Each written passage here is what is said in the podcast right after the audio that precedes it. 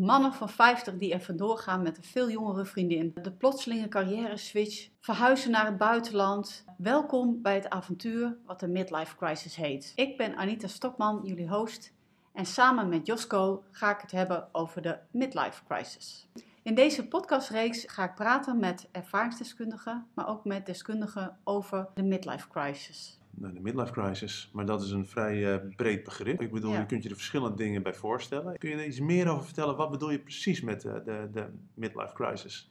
Nou, de midlife crisis, eh, als je het eh, opzoekt in de boeken, is het eh, de leeftijdsfase tussen de, nou, pakweg 40 en de 60 jaar, waar zo'n 25% van de mensen last van heeft. In die leeftijdsfase eh, verandert er veel op het gebied van identiteit.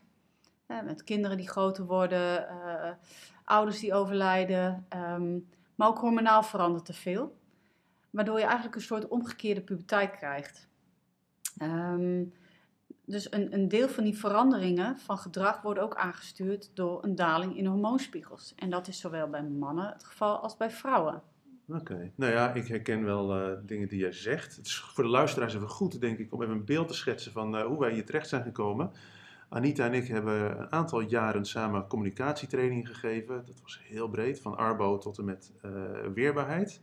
Eigenlijk is deze podcast eh, niet heel veel anders dan dat, behalve dat we het opnemen, Anita. Ja, het doel van deze podcast is dat mensen zich kunnen herkennen in de verhalen. En ook snappen waarom er bepaalde veranderingen komen eh, in gedrag of in, in je gevoelsleven. Die, ja, die, die ontstaan bij mensen in deze levensfase. En dat begint bij de 40, als ik me goed eh, eh, herinner eh, uit wat je Ja, net er zei. zijn vroeger en wat later, maar gemiddeld tussen de 40 en de 60. Ja. Oké, man-vrouw verschillen? Zit er een gender eh, eh, nuance in? wat je ziet is dat mannen veel abruptere keuzes maken vaak.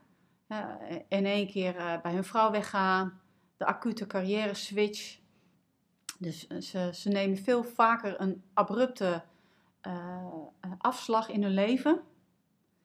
En bij vrouwen vindt, eh, vindt het veel meer plaats op het gebied van eh, eh, interesse in spiritualiteit of het eh, doen van een nieuwe opleiding of cursus, verdieping.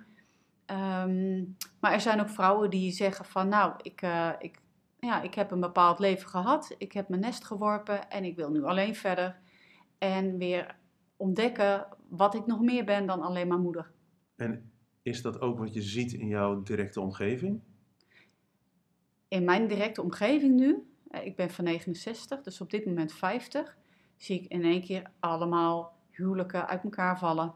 Eh, ik zie mensen eh, naar loopbaancoaches gaan omdat ze het allemaal anders willen. Ze hebben een bepaald beroep een jaar of twintig gedaan en willen gewoon wat anders doen. Maar je ziet ook dat, dat ouders ontvallen, waardoor je in één keer geen kind meer bent, maar een andere identiteit krijgt. Je ziet dat, dat je eigen kinderen opgroeien en op een gegeven moment het huis uitgaan.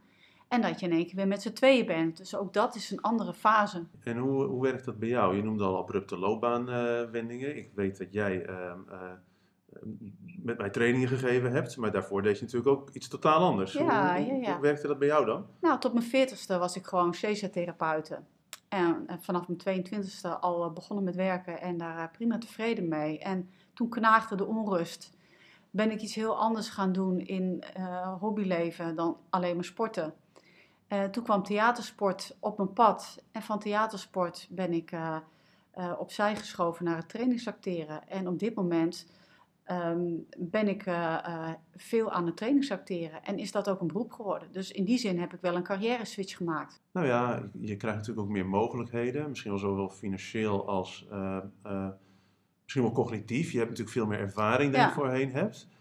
En tegelijkertijd eh, ga je gedurende je leven steeds meer verplichtingen en verbindingen aan. En misschien staat dat wel ergens haaks op elkaar. Je kunt meer, maar, maar, maar je mag minder. Ja, ja. Meer, je bedoelt, je zit meer eigenlijk in een bepaalde keurslijf, zeg maar, in een rol. Ja, als, je- ja, eh, als je twintig bent en gaat studeren in Groningen, eh, eh, dan eh, laat je minder achter dan als je dat Ja. doet op je veertigste. Ja, klopt. Ja. Als je twintig bent, dan ligt de wereld voor je open. En iedereen staat ook open.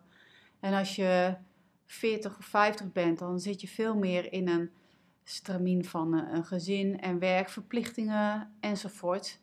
En dan is er wellicht ook minder ruimte om te experimenteren en te verkennen wat er nog meer in je zit. Is dat dan, dan ook de reden dat diegenen die wel experimenteren dat op zo'n hele abrupte manier doen? Ik, ik denk eh, wanneer je wat, wat negatiever wordt in stemming en de onrust is toegeslagen, wat je dan wil is spanning opzoeken. Want eh, eh, spanning opzoeken door nieuwe dingen, een verliefdheid, geeft je gewoon ook weer een boost dopamine. Dus je wordt als het ware weer opgepept door weer nieuwe omstandigheden op te zoeken. Oké, Maar ja, dat is een, een korte termijn. Want Ja, ook weer klopt. nieuwe relatie zal de verliefdheid overgaan in een soort houden van. Of Ja. misschien in de volgende verliefdheid bij de Ja. volgende persoon. Ja, ja. Dus wa- wat, wat is dan structureel een. een ja, hoe, hoe, hoe gaan ze bij jou in jouw omgeving? Nee, je bent tien jaar ouder dan ik, eh, bijna. eh, de nieuwe gezinnen die ontstaan, zeg maar, de samengestelde gezinnen zullen dat vaak zijn. Hoe ziet dat eruit? Vinden ze de rust dan wel? In een nieuwe gezinnen zijn in ieder geval niet de opgebouwde patronen van, eh, ja, van, van eh, eh, verwijten of tijdsgebrek of te weinig aandacht aan elkaar. ja, dat, dat, dat heeft die nieuwe persoon niet. Dus je kunt gewoon weer met de schone lei beginnen.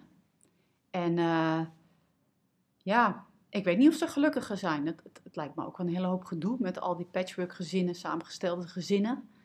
Ehm, maar goed, je hebt wel weer een nieuw begin. Dus eh, Nieuwe ja, ronde, nieuwe kansen, alle- Ja. alleen nog steeds geen Ja. garantie op succes. nee. Ik heb nee. cijfers gezien eh, van eh, relaties die na een scheiding ontstaan. En dan blijkt dat de kans op scheiding hoger is in een nieuwe relatie dan bij de vorige. Ja, Volgens dat mij heb is ik ook gelezen, ja. zelfs twee keer zo groot dan in de eerste keer. Dus je zou zeggen, dan, nee, je neemt jezelf toch mee in die nieuwe setting. En als je iets, iets niet oplost, dan, ja, dan mobiliseer je het probleem naar, naar een volgende, eh, naar, ja, naar volgende Ja. omgeving als het ware. Ik heb ook wel van mensen gehoord die ouder zijn en die, die er dan op terugblikken en dan zeggen van, goh, zit het even uit, deze periode. Gemiddeld duurt een midlife ongeveer drie tot vijf jaar. Dus zit het uit, eh, ontdek nieuwe hobby's eh, of, of nieuwe dingen die je interesseren. Je kan op meer manieren eh, eh, jezelf weer eh, opnieuw uitvinden. En het, het gaat voorbij op een gegeven moment. Is het dan niet zo, de, zoals ze in Engeland eh, eh, zeggen, de, de seven year itch, dat er bepaalde fases zijn in je leven en dat dit ook een, een fase van onrust is misschien? Ja, ja, ja, ja. Dus geef je toe aan die onrust.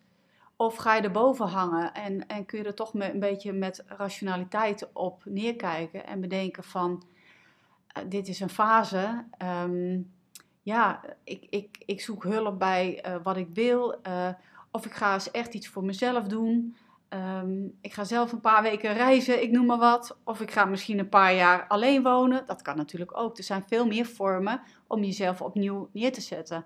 Alleen mensen nemen vaak hele radicale beslissingen die toch wel gevolgen hebben, zowel financieel als emotioneel. Nou ja, een paar jaar ergens anders gaan wonen is natuurlijk ook een ingrijpende eh, verandering. Ik noemde al eh, de verplichtingen natuurlijk die je bent aangegaan. Ja, Een groot verschil zal ook zijn of je in- of uitwonende kinderen hebt. ja. Ik weet niet of je daar iets over kunt zeggen. nou ja, als je eh, kinderen nog thuis hebt wonen, ehm, dan vorm je toch nog wel dat gezin en ben je wel op elkaar aangewezen ergens. En als die kinderen de deur uitgaan, eh, ik heb van de drie kinderen nog één thuis wonen, dan ben je wel weer meer op elkaar teruggeworpen. Dus dan, dan blijkt wel eh, hoeveel heb je in elkaar geïnvesteerd. Eh, hoe belangrijk was je relatie voor je naast werk bijvoorbeeld. En kun je het dan weer opnieuw aanwakkeren. Of soms komen mensen tot de conclusie van, nou ja, ik ben niet meer de persoon van 20 jaar geleden. Dit is niet meer wat, wat, wat ik wil en wat het beste uit mij haalt. En natuurlijk het, het samenwonen in één huis als vorm, het huwelijk is voor kinderen is dat wel een, een, een makkelijke vorm. Maar ja, je kan je op een gegeven moment afvragen, past dat wel bij wat ik eigenlijk zelf wil? Nou ja, dat is natuurlijk ook een eh, interessant vraagstuk. Ik vraag me ook af of eh, een eh, midlife crisis niet een erg westers fenomeen is. Ik denk dat mensen zich op een gegeven moment realiseren als je wat ouder bent en je hebt wat meer gezien van de wereld en je hebt wat meer bagage en je kent jezelf wat beter, dat je ook wel kunt gaan nadenken over eh, leef ik nu zo omdat het echt mijn eigen keuze is of eh, leef ik zo omdat ik niks verander en het maar wat door laat kabbelen, omdat dat de makkelijkste weg is of zo. Ja, ja, ja. Dus wat je zegt is eigenlijk, sommige vragen of problemen zijn gewoon vooruitgeschoven en zijn ingesleten. Nou ja, je, voor een gezin is het gewoon heel praktisch om samen in één huis te wonen. Dat is ook financieel handig. Maar als je met z'n tweeën bent, ja, haal je altijd nog het leukste uit elkaar als je samen in één huis woont. Eh, eh, heb je die behoefte überhaupt toch wel om samen in één huis te wonen? Dat, dat kunnen dan in één keer vragen zijn. En, het, Ja. en hormonaal, als je eh, hormonaal verandert, dan eh, bij die dalende hormoonspiegels hoort ook het gevoel van nou ja, misschien wat meer ruimte voor jezelf nodig hebben dan voorheen. Kan ook. Ja, Dus het is, als ik je goed begrijp, een soort samenspel van, van, van veranderingen in de hormoonhuishouding en al, al eh, nou ja, dat brengt natuurlijk ook fysieke veranderingen met zich mee. Ik bedenk me nu pas dat we het daar nog niet eens over gehad hebben, maar als ik in de spiegel kijk, zie ik een stuk meer grijze haren dan eh, tien jaar geleden. tuurlijk. Eh, nou ja, mijn huid is ook minder soepel. Eh, het is niet netjes om opmerkingen over dames te maken, dus ik zal me inhouden. Maar, maar, maar er gebeurt natuurlijk wel he- he- heel veel in, in een relatief korte periode. En wat is relatief kort? 20 jaar, is dat kort? Tja, nou ja, als je tussen de 40 en de 60 pakt natuurlijk. Maar ik bedoel, eh, proces van aftakeling is een groot Ja. woord. Maar ik was onlangs bij eh, mijn huisarts en die eh, eh, moest iets weghalen van mijn huid. En die zei, ja, dat, dat, dat plekje hoort ook bij een ouder wordend lichaam. Daar hoef je verder geen zorgen over te maken. Toen dacht ik, nou, zo, zo oud is Au. dit lichaam toch nog niet. maar goed, dat, dat zijn... ja, en ik kan me ook wel voorstellen dat het ook vrouwenparten speelt. Dat het niet alleen een, een mannending is. Ja, dat, dat, klopt wel. Je bent als, als eh, vrouw rond je vijftigste zit je toch ook met de overgang. Eh, waardoor je lichamelijke veranderingen hebt. En eh, ja, op seksueel gebied veranderen de dingen, veranderen behoeftes. Dat, dat gaat bij mannen en vrouwen zo. En dat maakt toch ook wel verschil. Als ik foto's bekijk van de afgelopen 21 jaar, onze oudste zoon is 21. En ik zie mijzelf op die foto staan, dan kan ik me toch nog wel een beetje herinneren hoe ik toen dacht en voelde. En dat is toch wel anders van hoe ik me nu voel. Kun je iets eh, concreter zijn? Want, Nou, ik was toen ik 47 was, was ik eh, al in de overgang. En ik merkte gewoon de laatste jaren daarvoor dat, ja, dat ik toch wel wat, wat eh, een stukje energie een beetje kwijtraakte. Ik had soms het gevoel dat ik met tegenwind de dag doorkwam. Niet dat enthousiasme wat ik normaal altijd had. En ja, ook, ook dat je toch wel wat terugtrekt. En ja, ehm, ik had het gevoel dat ik mezelf een beetje kwijt aan het raken was. Eh, ik heb daar wat aan gedaan. Ik, heb, ik, ben aan de hormoontherapie begonnen. Dus dan worden die te lage hormoonspiegels worden opgehoogd. En ik voel me nu weer hartstikke energiek. En ik heb gewoon weer zin om dingen te ondernemen. Dus de dag heb ik weer de wind mee. En nou, als ik er nu op terugblik, dan denk ik in die fase dat, de, dat ik het gevoel had dat de wind tegen zat, zijn heel veel eh, dingen een beetje meh. Weet je wel, die, de hobby's die je altijd leuk vond zijn een beetje mwah. Eh, je relatie denk je van, nou, is dit het wel? Ehm, ja, beroep, vind je dat nog wel zo leuk? Dus dat, dat twijfelende gevoel is ook wel een, een onderdeel, denk ik, van eh, wat sluimerende negatieve, depressieve gevoelens of zo. En die heb ik nu niet. En nu bekijk ik de realiteit dus weer heel anders.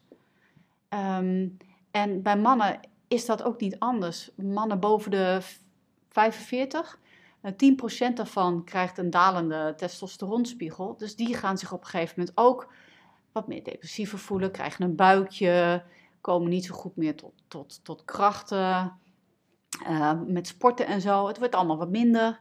Eh, dus ook mannen die hebben dat, alleen dat gaat wat geleidelijker. En er zijn mannen die dat pas veel later hebben, eind 60. Maar er zijn dus ook mannen die dat rond de 50 al hebben.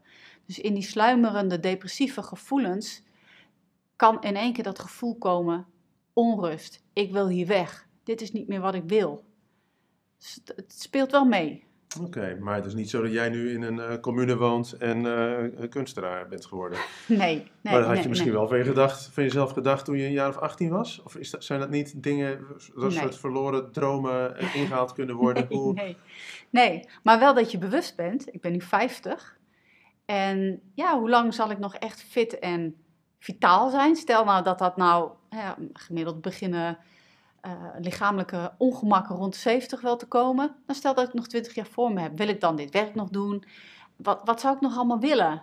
Wat ik niet heb gedaan eh, in de tijd dat ik kinderen had en het te druk had met andere zaken. Hè, wat, wat wil ik nu echt zelf? En? Kun je die vraag voor jezelf beantwoorden?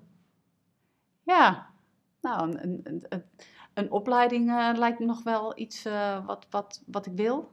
Maar ook toch, ja, wat, ehm, toch wel alleen op pad gaan of reizen. En niet alleen maar een onderdeel zijn van een stel of een gezin. Niet dat ik, eh, ik bedoel, ik vind het ook heel leuk om samen met mijn partner dingen te doen. Maar ook dat gevoel van even alleen eh, op reis en te ontdekken wie je zelf ook maar weer bent. En wat je zelf echt wil, dat, dat, dat wil ik wel. En dat, dat heb ik ook altijd wel wat gedaan. Maar er ontstaat nu gewoon meer ruimte. Dus als ik je goed begrijp, wil je de dingen die je al gedaan hebt, maar sporadisch, eh, en waar je echt energie van krijgt, zijn dat de zaken waarvan jij, eh, eh, nu de kinderen ook eh, min of meer het huis uit zijn of, of onderweg zijn het huis te verlaten, om daar meer aandacht aan te besteden. Dus het is niet een radicale ommezwaai, Nee. maar het is veel meer een focus op de energiegevers die er al aanwezig waren. Ja, en die ik kan, verder kan uitbouwen. Want met, ja, wij, wij hebben een gezin met drie kinderen. En drie kinderen in huis met, met alle sporten en drukte die dat geeft. Dat, dat heeft toch wel gemaakt dat ik, dat, ja, dat ik toch wel wat dienstbaarder was naar dat gezin. En ja, nu hoef ik me daar veel minder op te richten. Dus er ontstaat ook veel meer ruimte om weer vriendschappen wat meer op te pakken. Of gewoon nog meer dingen eh, ook voor jezelf te doen. Dus een soort opnieuw uitvinden van eh, de Anita als, als, als individu. Ja, ja, ja. Als, als, als, eh, ja, is eigenlijk als uitkomst na twintig jaar misschien wel eh, de dienstbare eh, onderdeel van het collectief. Ja, terwijl ik dat twintig jaar geleden niet, zo begon ik niet als heel dienstbaar. Maar op een gegeven moment merk je dat wat een gezin nodig heeft om een beetje lekker te draaien, is toch ook wel dat je daar tijd en aandacht in steekt. En op een gegeven moment, eh, ja, wordt dat steeds meer. En nu is het weer de omgekeerde, het omgekeerde proces. Het afbouwen eh, Ja. van, van het collectief naar een individueel Ja, eh, ja. bestaan. Ja. Ja, dat, dat vind, ik- vind, ik best wel, eh, vind ik best wel een dingetje. Toen de oudste het huis uitging, eh, toen, toen voelde ik me al deels geamputeerd. Toen de tweede het huis uitging, heb ik zo'n beetje een week gehuild. Het, En wen- niet- het went dus niet. Het, nee, het is niet dat je niet zelfstandig bent, maar ik, wa- wat ik ervaarde was het gewoon, je, je onthecht, zeg maar. En dat geeft een soort van toonpijn, want je bent niet langer onderdeel van een groep waar ik me ook heel geborgen en fijn in voel. Je bent veel meer weer alleen. En de, Ja. en de kinderen bepalen zelf of ze wel of niet komen. En het is, eh, Ja. Nee, ik denk dat dat veel, eh, voor, veel van onze luisteraars wel herkenbaar is, eh, het, het, lege nest syndroom. En eh, ja, ik had, je zou zeggen dat je eraan went of dat je je erop instelt op een bepaalde manier. Maar in jouw geval, hè, als ik je goed hoor, dan is het juist tegenovergesteld het geval. Naarmate het nest leger wordt, wordt de pijn, eh, de fantoompijn, eh, zei je zelfs heel mooi, eh, groter. En dat Ja. klopt natuurlijk. Je bent ook met elkaar verbonden op een, als, als bloedverwant, maar natuurlijk ook als een soort systeem ben je op elkaar betrokken. Ja. Dus jouw hele systeem. Eh, eh, eh, nou ja, het cement is wel verdwenen tussen de voegen. Ja, als dat- ik het even eh, Ja. plastisch mag uitdrukken. Ja, dat, dat is het ook meer. Want, en het is ook wel een behoefte van mij om gewoon mensen om me heen te hebben. En het is een gezellige groep die je goed kent, die jou van dichtbij kennen. En ehm, ja, dat, dat moet je nu weer op een andere manier gaan vormen. En het wordt ook nooit meer zoals het was. Nee, eh, want bloedverwantschappen zijn over het algemeen, en dat heeft ook heel veel nadelen natuurlijk, maar die hebben een soort onvoorwaardelijk eh, eh, karakter. En als je vriendschappen opbouwt, ja, dat is toch, toch anders dan een, een gezin. Ja. Maar nogmaals, dat heeft natuurlijk voor- en nadelen. Ja, Ik hang er ja. geen waardeoordeel aan. Ik constateer alleen een verschil. Ja, ja. Nou, en, en je merkt gewoon, ja, je, je woont al langer op één plek, tenminste in ons geval. Ehm, je hebt een, een bepaald type werk een tijd gehad. En ja, wat zit er nog meer in? Wat zou je nog meer willen? Jij noemde een opleiding. Wat, wat, wat is een richting waar je... Ben je al zover dat je zegt van, joh, op dat gebied zou ik me willen ontwikkelen? Nou, ik kan heel goed luchtfietsen, dus in mijn hoofd gebeurt veel. Maar concreet tot uitvoer brengen eh, nog wat minder. Dus Nou, neem ons eens mee op een, eh, eh, in een van jouw luchtspiegelingen. Nou, ik vind het wel heel leuk om met jonge mensen te werken, met studenten. En een stukje begeleiding van studenten en, en hun uh, identiteitsproces. Dat zou ik leuk vinden. Of ja, begeleiden in het, in het kiezen van een goede opleiding. Ehm, dus zo'n tak van sport nou ja, de, de, de, jouw intellectuele ontwikkeling is natuurlijk zonder meer interessant, maar te kort om denk ik nu uh, uh, door, door te spreken. Dat is ook iets wat we ook voor de volgende podcast op het programma hebben staan. Maar we komen steeds terug bij het fysieke gedeelte. En ik, ik moet je natuurlijk even plagen, het is natuurlijk niet de midlife cast omdat het een onderwerp uit de weg gaat, maar juist omdat we onderwerpen aankaarten die in een midlife crisis spelen. Ik noemde al het ouder wordende lichaam waarop mijn huisarts mij attendeerde. Ja. Jij bent een, een, een, een, sporter. Jij moet merken dat het op de een of andere manier minder is dan toen je 25 was. Ja, tuurlijk. Ja, ja, ja. Hoe, hoe, hoe werkt dat voor jou? Nou ja, met, met dat hardlopen kwam ik tegen dat... dat ik ben tenger gebouwd. Ik ben 1,75, zo'n 58 kilo. Dus uh, een prima hardlopen qua bouw. Alleen, ja, ik had toch wat, wat kraakbenen, slecht kraakbenen in mijn voeten, waardoor dat hardlopen niet meer op dat niveau kon worden volgehouden. Dus helaas geen marathons of iets dergelijks voor mij. Ja, maar wat, wat doet dat met je? Ik denk dat dat. dat nou, ik, ik vond dat in het begin vond ik dat wel pijnlijk om te merken. Dat mijn lijf was toch ook wel een beetje mijn. Uh, ja, was toch wel heilig voor mij. Ja, ik weet dat je ook erg, uh, ik ook, maar, maar ik weet dat jij misschien nog wel meer dan ik, echt bewust bent van gezonde voeding, voldoende beweging. Als we elkaar zien, dan is het laten we eerst even een rondje lopen. dus dat, dat, dat nou, is net alsof je lichaam je in de steek laat. En ik, nou, dat vond ik wel in het begin een beetje pijnlijk om te merken dat dat verandert. Ja, en dan uh, hoe ik ermee om ben gegaan, is dat ik nu uh, een nieuw soort passie heb. Dus dat theatersport en trainingsacteren. En dat ik niet sport voor de prestatie, maar gewoon omdat ik nou eenmaal graag beweeg. En het lekker vind om uh, van alles te doen. Maar ik beweeg nu veel meer op wat lekker voelt. Of waar ik plezier aan beleef. Dan wat ik vroeger deed. Want vroeger uh, trainde ik meer voor prestatie.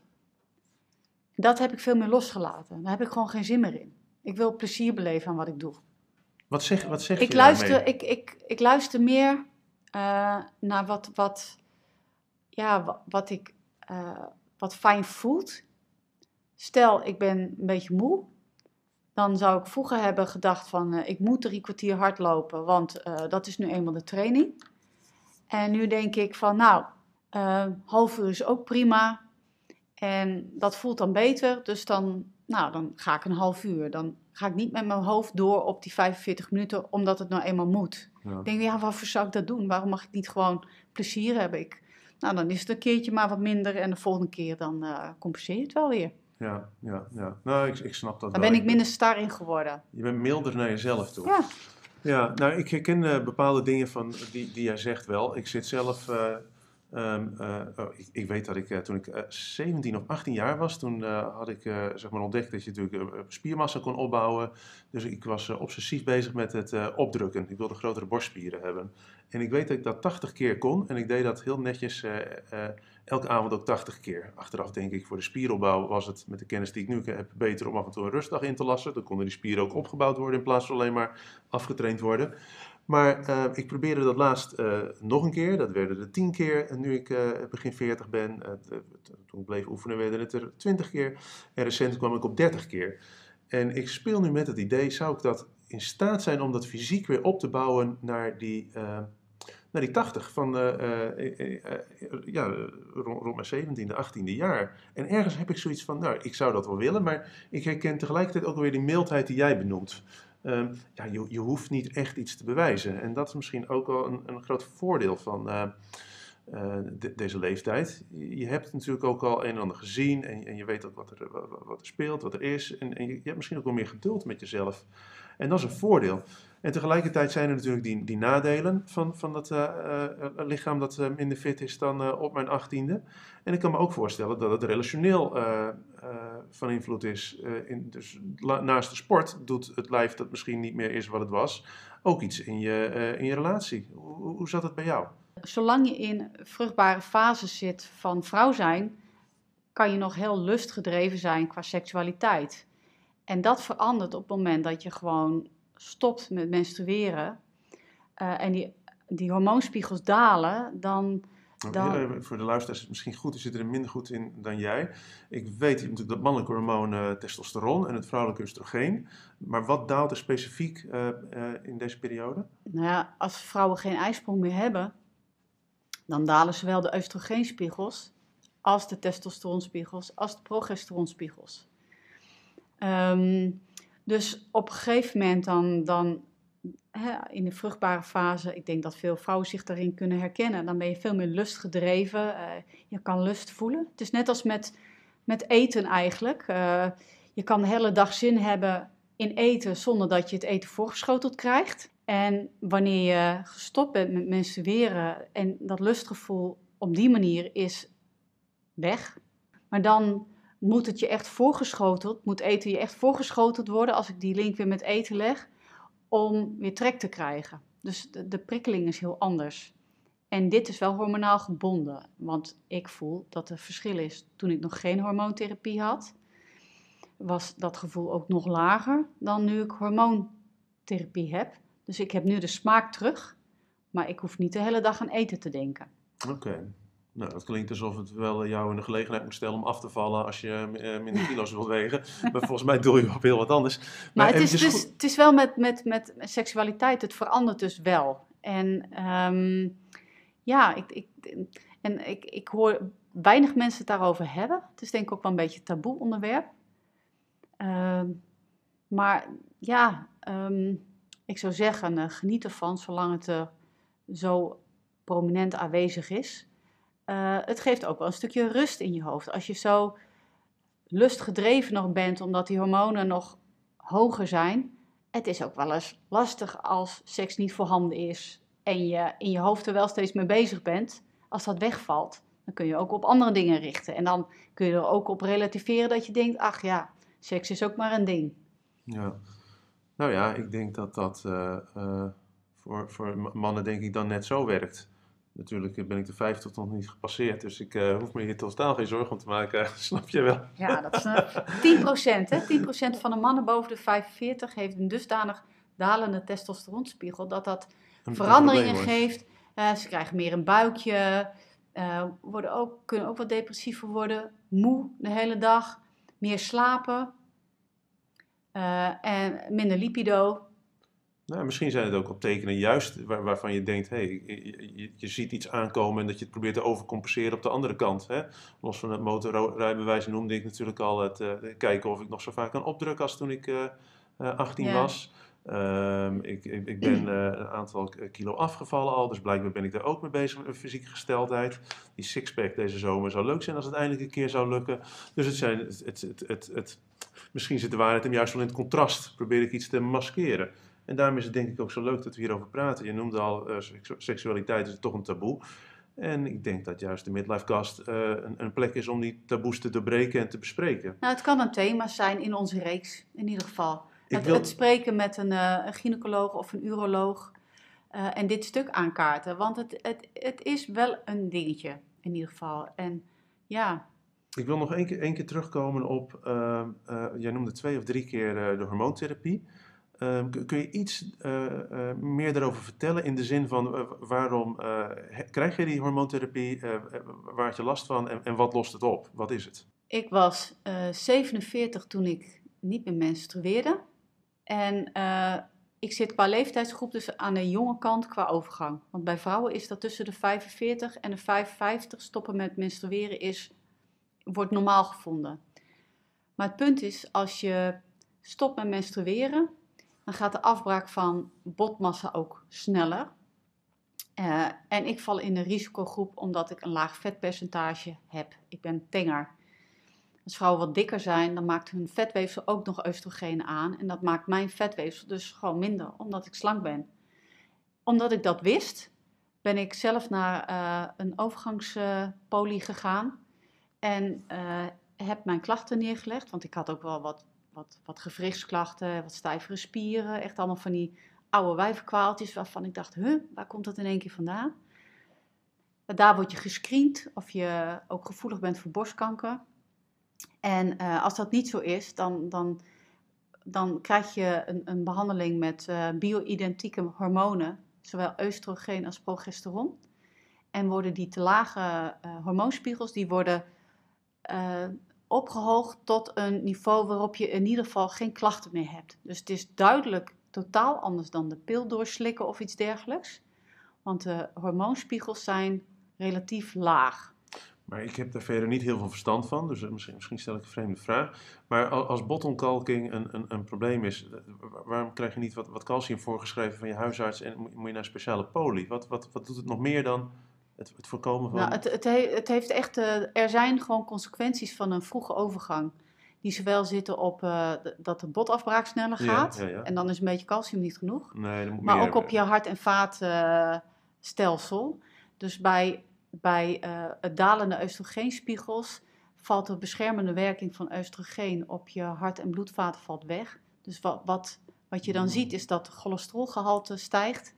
En dat je, ja, je bloeddruk kan stijgen. Dus je hebt... Hart- en vaatziekte, hoog ja. risico. Je bent, je bent, dus het gaat om meer dan uh, ja. gebrek aan... Uh... Maar goed, er is natuurlijk een verschil tussen een vrouw die op haar 55ste pas stopt met menstrueren... of op je 45ste. Dat is bijna 10 jaar verschil. Maar kun je dan zeggen dat jouw uh, hormoonspiegels op je 47ste, zeg maar, die, die van een gemiddelde vrouw van 57... nee, nee, nee, nee. nee. Zo, dit... zo simpel is de optelsom nee, Nee, nee, nee, nee. Dit, dit is gewoon aanleg. Ja, okay. dat soort verschillen zijn er. En die zijn er bij mannen ook. Er zijn mannen van uh, tussen de 45 en 50, die zie je, die, die, hè, die zijn uh, suf en uh, buikje. En ja, ja, Die, die, die zie je niet meer van de bank afkomen. Van die ja. couch potatoes. En er zijn de mannen die. Die eind 60 een, een, nog een heel viriel zijn. En actief en ondernemend. En ja, al die verschillen zijn normaal. Ja, ja, ja. ja maar herken het in ieder geval. Want ook bij mannen uh, kun je er wat aan doen. Ja, ja opdrukken s'avonds uh, naar die 80 keer. Zodat je kan naar activiteiten gaan wat, wat uh, testosteron weer opvoert. Dus maar kracht... zonder, gekheid, kun je, want ik maak er natuurlijk een grapje over, maar kun je um, kun je die hormoonspiegels opkietelen door fysieke activiteiten te ontplooien? Ja. Stel, ik ga nu heel hard trainen. Hè? Um, het het uh, blijkt dat krachttraining je testosteronwaarde weer verhogen. Net zoals het, het uh, opzoeken van spannende dingen. En wat, wat bedoel je? Fysiek spannend of uh, psychisch toch de stekker uit die loopbaan trekken en in Spanje ja. die bed and breakfast beginnen met een nieuwe relatie? Nou, dan krijg je een hoge testosteron. ja, ja. Dus kun je dan zeggen, en dan is de cirkel eigenlijk rond en moeten we bijna gaan afronden. Kun je dan de vraag uh, opwerpen: uh, is een midlife crisis niet een manier om uh, door uiterlijkheden te veranderen innerlijke hormoonspiegels te compenseren? Mijn testosteronspiegel daalt, daardoor ga ik aan krachtsport doen en, en, en dan word ik verliefd op een, een ja. dame van 20 jaar jonger. Dat, dat, dat doet allemaal mijn hormoonspiegel stijgen, zeg jij? En is het niet zo dat, dat mannen of vrouwen uh, grijpen naar dat soort uiterlijke middelen om een innerlijke onbalans te, te, te, corrigeren? Nou, het, het, is, uh, het zal zeker niet bewust gebeuren, maar het, het omgekeerde, door die lagere spiegels krijg je die, die onrust en die latent depressieve gevoelens. En niet alle mannen geven toe dat ze depressief zijn of dat ze depressieve gevoelens hebben. Maar er is dan wel een soort ontevredenheid ontstaan in het leven. Ja, en dan helpt, dan, dan, als dan hè, dit soort externe dingen helpen, ja, dan denk je van, oh, zie je wel, mijn leven was niet goed. En uh, nou ja. Een soort self-fulfilling prophecy. Ja, ja. ja. ja, Nou ja, de luisteraars... dus het is een soort zelfhulp, denk ik, zonder dat ze in de gaten hebben wat nou de onderliggende drijfveer is. Dus het aantal scheidingen in, in, in de midlife leeftijd zou ik af kunnen nemen op het moment dat ook mannen naar de... Uh, overgangspolie zouden gaan? Dat, dat, weet ik niet. Dat weet ik niet. Maar ik, ik ben wel benieuwd wat het percentage van scheidingscijfers is van mensen rond de 50. Want, ja, die hormoontherapie krijgen? Of nee, die, helemaal die, los hiervan? Ja, die, die geen hormoontherapie krijgen, maar die gewoon, uh, um, ja, die gewoon gaan scheiden. Ja. Wat de hoogste leeftijd is. Want je ziet als de kinderen jong zijn, dat is wel echt even zo'n ja, drukke periode. Druk op, op het systeem. Precies. Dus dan... Maar rond de 50 zie ik om me heen ook van allerlei dingen gebeuren. Mensen gaan scheiden, mensen krijgen in één keer open huwelijken. Uh, mensen doen het anders, kortom. Misschien is het wel eens een idee om zo'n mediator of een scheidingsadvocaat ja. uh, uh, uit te nodigen en met hen hierover van gedachten te wisselen. Volgens mij schommelen de scheidingscijfers in Nederland tussen de 30 en de inmiddels 50% volgens mij. Dus dat is relatief hoog, maar gedifferentieerd naar leeftijdsopbouw, dat lijkt me heel interessant om eens over Ja. te, te buigen. En ik denk dat het belangrijk is om te realiseren dat, dat fases ook weer voorbij gaan. Als ik nu kijk waar ik vijf jaar geleden ontevreden over was, wat me toen bezig hield, dan kan ik me nu bijna niet meer voorstellen. Terwijl, ja, ik ben nog steeds met dezelfde partner getrouwd, eh, ik woon nog op dezelfde plek. Dus ja, een aantal dingen zijn duidelijk veranderd. Ja, ja. Nou, dat is iets dat we de volgende keer gaan bespreken. Ja. Ik kijk even naar het Ja. klokje en tot mijn schrik zijn het, nou ja, al- alweer meer dan een half uur eh, omgevlogen. Jeetje, ja. Ja, hey, ik eh, wil jou eh, bedanken, eh, Anita, en vooral ook alle luisteraars. En dat je je wijsheid hebt willen delen, want nou, er zijn veel cijfers de revue gepasseerd. Maar ik denk ook wel op een manier waarop het te begrijpen was voor de luisteraars. Nou, dat hoop ik inderdaad. Want ik denk wel, als je wat meer kennis hierover hebt, dan, dan kun je er soms ook wat makkelijker doorheen laveren. Omdat je weet dat het een fase is die ook weer voorbij gaat. En doe je gewoon, maak je niet van die rare beslissingen. Ja, ja, ja, ja, ja. niet het kind met badwater weggooien, Nee. eh, zeg maar. En aan de andere kant, misschien zijn er ook wel momenten dat je, want ik weet ook dat jij eh, eh, wel uit, voor jouw eigen goedlopende CESA-praktijk de stekker uit hebt getrokken. Dat er soms Klopt. wel radicale veranderingen nodig Ja. zijn. Nou ja, het is eh, eh, eh, al, alweer duidelijk geworden, er is eh, none size fits all. Oftewel, eh, het is altijd maatwerk en er is niet een gouden oplossing of een gouden formule die de Nee. midlife crisis eh, bestrijdt. Nee, absoluut niet. Wat we wel kunnen doen is eh, taboes bespreekbaar maken. En dat zullen we ook blijven doen. En we hopen dat er iets is van herkenning. Ja. Dus voel je vrij om eh, te reageren op onze podcast. En anders dan ook weer de volgende keer weer eh, Ja. te zien hier. Bedankt voor het luisteren en tot de volgende keer.